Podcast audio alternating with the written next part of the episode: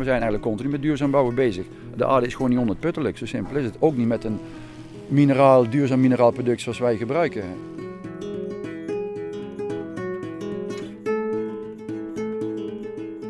Dit is Op de Bouwplaats, een podcast over ontwikkelingen in de bouw.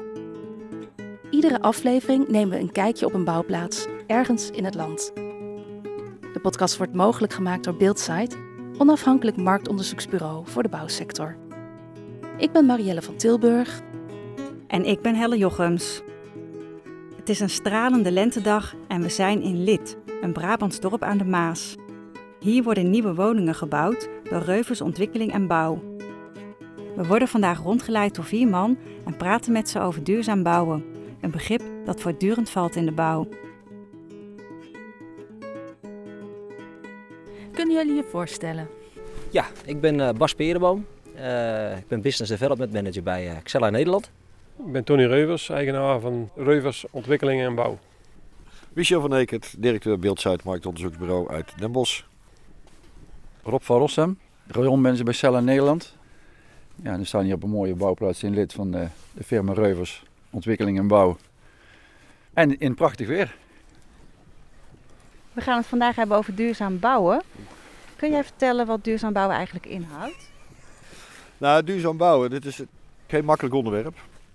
Uh, ik noem het eigenlijk een beetje een containerbegrip. Hè. Alles gooien we tegenwoordig maar in het eh, potje duurzaam. Best wel lastig. Wat is duurzaam? Duurzaam materiaalgebruik, duurzame productie, duurzaam vervoer. Je kunt er alles aan koppelen een beetje. Maar in feite gaat het erom dat we in Nederland wel uh, zorgvuldig met de spullen moeten gaan die we hebben. En ook een beetje toekomstbestendig moeten bouwen. Ja. En daar liggen al die witte blokken? Ja, dat zijn de kalkzandstenen elementen inderdaad van, uh, van Silka. Ja. We maken eigenlijk een blokkendoos, een Lego systeem voor de aannemer. En u ziet daar allemaal hele elementen staan, maar daar links daar staan alle passtukken. Rechts van die elementen staan de kimmetjes. Ja. ja, en op die pallets staan de passtukken. Dus wij leveren hier een complete wand aan die zo gemonteerd kan worden als een soort van Lego systeem, zonder dat daar aan gezaagd hoeft te worden. Ja. Nou is kalkzandstenen een vrij duurzaam materiaal. Ja. Waarom zou je dat duurzaam noemen? Nou ja, het bestaat uit natuurlijke grondstoffen, uh, kalkzand en water. Bij de winning daarvan uh, wordt geen schade aan de, aan de natuur uh, berokkend. een recente studie van onderzoeksbureau Niebe heeft uitgewezen dat Xella in de toepassing als dragende binnenmuur het meest duurzame bouwmateriaal is wat er voorhanden is. En dan hebben we het niet alleen over de productie, maar dan hebben we het ook over verwerking, over afval en transport van bouwplaatsen naar fabriek en andersom. Uh, dus eigenlijk van fabriek naar bouwplaats en eventueel de retouren daarvan. Hoe wordt ja. uh, kalkzandsteen verwerkt? Nou, op dit project uh, wordt het verwerkt middels een elektrische stelkraan. Ja, een elektrische stelkraan die gaat gewoon op 230 volt. Dus ja, daar, daar komen geen schadelijke stoffen vrij. daar hoeven geen dieselaggregaten te worden gebruikt. Dat is gewoon op basis van elektriciteit. Dus ja, dat is relatief schoon, schoon te verwerken. Ja. Het is ook een stille bouwplaats. Ja, ja, dat is het ook. Het is een, uh, ja, een strakke bouwplaats, zoals ze dat noemen. Weinig rommel, goed georganiseerd. En uh, ja, er is rust. En uh, als er rust heerst op een bouwplaats, dan is dat over het algemeen een goed teken. Want dat betekent dat er orde is. En dat het blijkbaar goed georganiseerd is door de firma Reuvers. Ja, dat, ja, dat komt nu tot uiting, zeg maar. Ja. Ben je trots op hoe het project tot nu toe loopt? Daar ben ik best wel trots op, ja. Nog een beetje planning? Precieze planning. Hoeveel uh, mannen heb je hier eigenlijk aan het werk? Nu drie. Maar meestal zitten man of vijf zo op deze bouw. Zullen we de kalkzandstenen van dichtbij bekijken? Ja, we kunnen hier de trap op. Hier zou ik die kan staan, hier niet. Dus dan denk ik dat we hier de trap nog op kan. We volgen jou. Ga je gang. Weer een ladder op.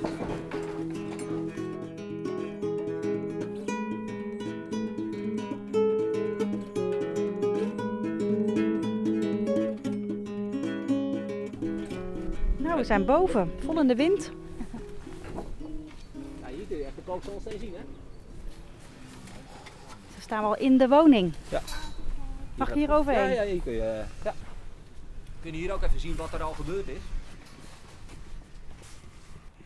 Nou, je kunt hier zien dat de eerste laag, de kimlaag zoals we dat noemen, die is in de specie gesteld. Dat doen we, of dat doet de aannemer in dit geval, het lijnbedrijf, omdat de verdiepingsvloer die is niet 100% vlak dus dan zetten ze de eerste laag zetten ze in de kimspecie. En dat laten ze dan minimaal 24 uur uitharden. En dan zie je daar de lijmkraan staan. Ik denk dat ze morgen beginnen met het verlijmen van de hele elementen die je hier ziet. En daarnaast zie je de passtukken staan. En die hebben allemaal wandcodes. Die zijn allemaal genummerd. En nou ja, die worden toegepast op de plaats waar de tekening het aangeeft.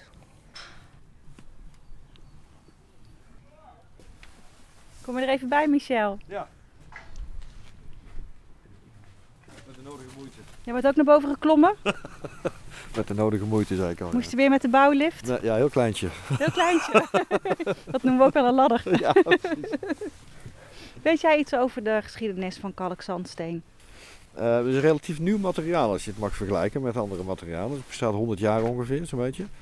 Je hebt er vooral heel veel zand voor nodig. Dus je ziet kalkzandsteen uh, vooral terug in, uh, in landen waar, waar hoge kwaliteit zand is. Dus je ziet het een beetje in Nederland en dan Noord-Duitsland, Polen, daar die kant op zeg maar. Dan zie je veel kalkzandsteen toegepast worden, ook in Amerika overigens. En kalkzandsteen heeft eigenlijk zijn grote ontwikkeling doorgemaakt op het moment dat je dit systeem hebt ontwikkeld. Zeg maar dit, dit elementensysteem. elementensysteem, zoals ze dat dan noemen.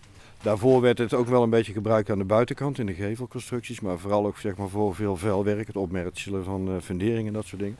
Maar dit is uiteindelijk de doorbraak geweest zo ergens, moet ik even helpen, eind jaren 60, begin jaren 70. Ja, denk het wel. Ja. In die periode. Hè? Ja. Buitengewoon populair materiaal. Hè. Meer dan de helft van de woningen in Nederland wordt nog gebouwd volgens dit systeem. Dus uh, dat geeft wel aan uh, dat het voldoet in ieder geval aan de Nederlandse standaard. Ja, en je zei we hebben veel zand beschikbaar. Is dat dan rivierzand of waar komt het vandaan? Rivierzand denk ik, fijn zand.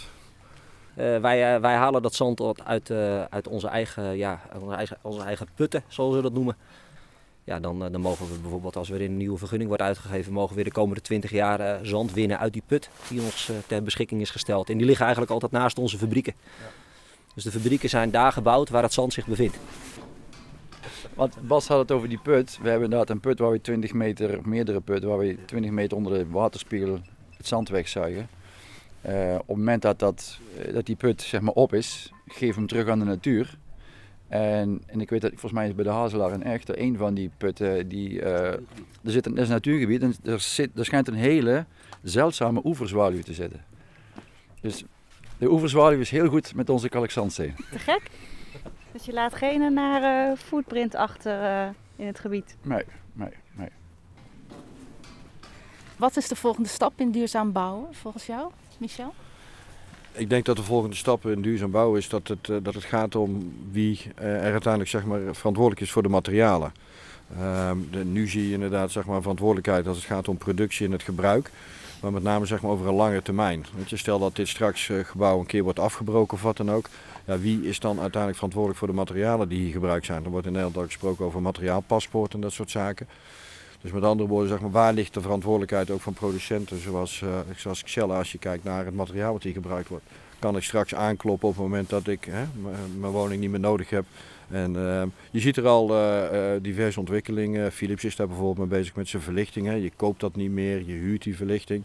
Nou, zo kun je ook bijvoorbeeld met materiaal omgaan. Dus ja, nogmaals, zo ben ik het gesprek ook begonnen. We moeten vooral heel voorzichtig en zorgvuldig zijn met de, met de grondstoffen die we hebben. Dus het hergebruik en het, en het uiteindelijk zeg maar opnieuw gebruiken van, van materialen. Ik denk dat dat echt een grote volgende stap is als het gaat om de duurzaamheid. Ja. Zie je op deze bouwplaats andere materialen die zich goed lenen voor recycling? Uh, nou ja, ik zie uh, hout, ik zie isolatiemateriaal. Het ene isolatiemateriaal leent zich beter voor recycling dan het andere isolatiemateriaal. Maar in de basis zijn de meeste materialen wel te recyclen. De vraag is even, kun je ze weer gebruiken op de manier waar ze oorspronkelijk voor bedoeld zijn? Je ziet veel dat materialen op een andere, met een andere bestemming terugkomen. Hè? Als verpakkingsmateriaal of wat dan ook. Maar goed, verder zie ik niet zo heel veel materialen. Ik zie vooral heel veel kalkzandsteen omheen staan. Ja, ja. Ja ik ben wel benieuwd hoe, hoe jullie daar tegenaan kijken. Daar word ik altijd vrolijk van. Is kalkzandsteen te recyclen? Zeker, volledig. Ja. Op dit moment zijn we zover dat we uit het, het productieproces um, waarin we de kalkzandsteen op maat zagen, zodat hier op de bouw als systeem aankomt, dat we dat afval volledig recyclen en de fijne fracties daarvan als zandvervanger in onze productieproces toevoegen. We zijn eigenlijk continu met duurzaam bouwen bezig. De aarde is gewoon niet onuitputtelijk, zo simpel is het. Ook niet met een mineraal, duurzaam mineraalproduct zoals wij gebruiken, uh, zand veelal. Um, we hebben een eigen lab waarin wij geëxperimenteerd hebben met een uh, volledig gerecycled element. Dus volledig opgebouwd uit compleet gerecyclede stukjes kalkzandsteen. Daarnaast loopt er op dit moment een pilot waarbij we uh, 50% primaire grondstoffen gebruiken. En de andere 50% uh, van de toeslagstoffen die wij gebruiken in dat nieuw te produceren kalkzandsteen, dat komt uit een pand wat gesloopt gaat worden. Dus dat kan bijvoorbeeld uh, betonrecycle uh, kan dat zijn. Dat gaan we dan wassen, dat gaan we schoonmaken. Dat wordt op een bepaalde manier en een bepaalde korrelgrootte wordt dat uh, gebroken. En dat gaan wij toepassen in ons nieuw te produceren kalkzandsteen. Hoe belangrijk is duurzaamheid voor Xella? De regelgeving in 2030 uh, schrijft voor dat er minimaal in een nieuw te produceren bouwmateriaal dat er minimaal 50% gerecycled materiaal aan het primaire blok moet worden toegevoegd. Ja, dus we gaan steeds minder primaire materialen gebruiken. Juist. Ja, ja, ja. We gaan ja. naar beneden, denk ik. Gaan we naar beneden? Hoe zijn jullie gekomen? Vind je dat laddertje? Met de lift.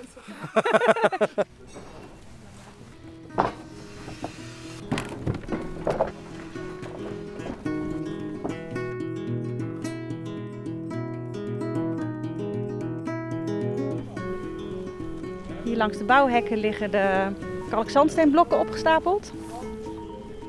En ik zie geen verpakkingsmateriaal. Nee, dat klopt. Uh, ja, Silka, dat, uh, kalkzandsteen, dat, uh, dat is een product wat, wat compleet vochtongevoelig is.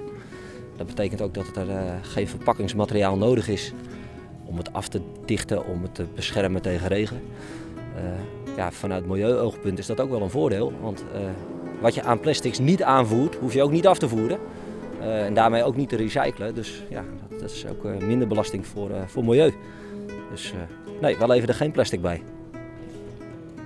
Is een van jullie bekend hier in de regio van Lid?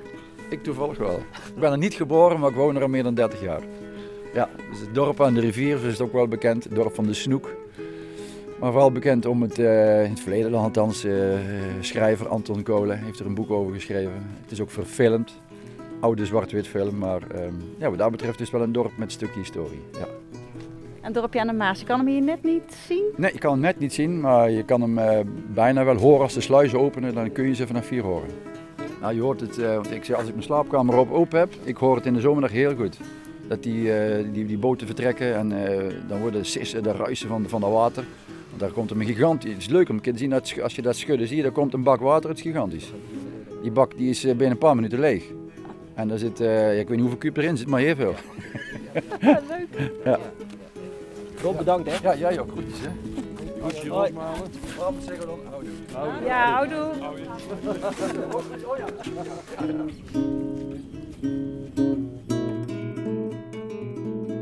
Dit was de vijfde aflevering van de podcast Op de Bouwplaats. We spraken met Bas Perenboom, Tony Reuvers, Rob van Rossum en Michel van Ekert. De muziek was van Montplaisir. Vind je deze podcast leuk en wil je meer van ons horen? Abonneer je dan via je eigen favoriete podcast-app en laat een review achter, zodat andere liefhebbers hem beter kunnen vinden. Ik ben Marielle van Tilburg en ik maak deze podcast samen met Helle Jochems.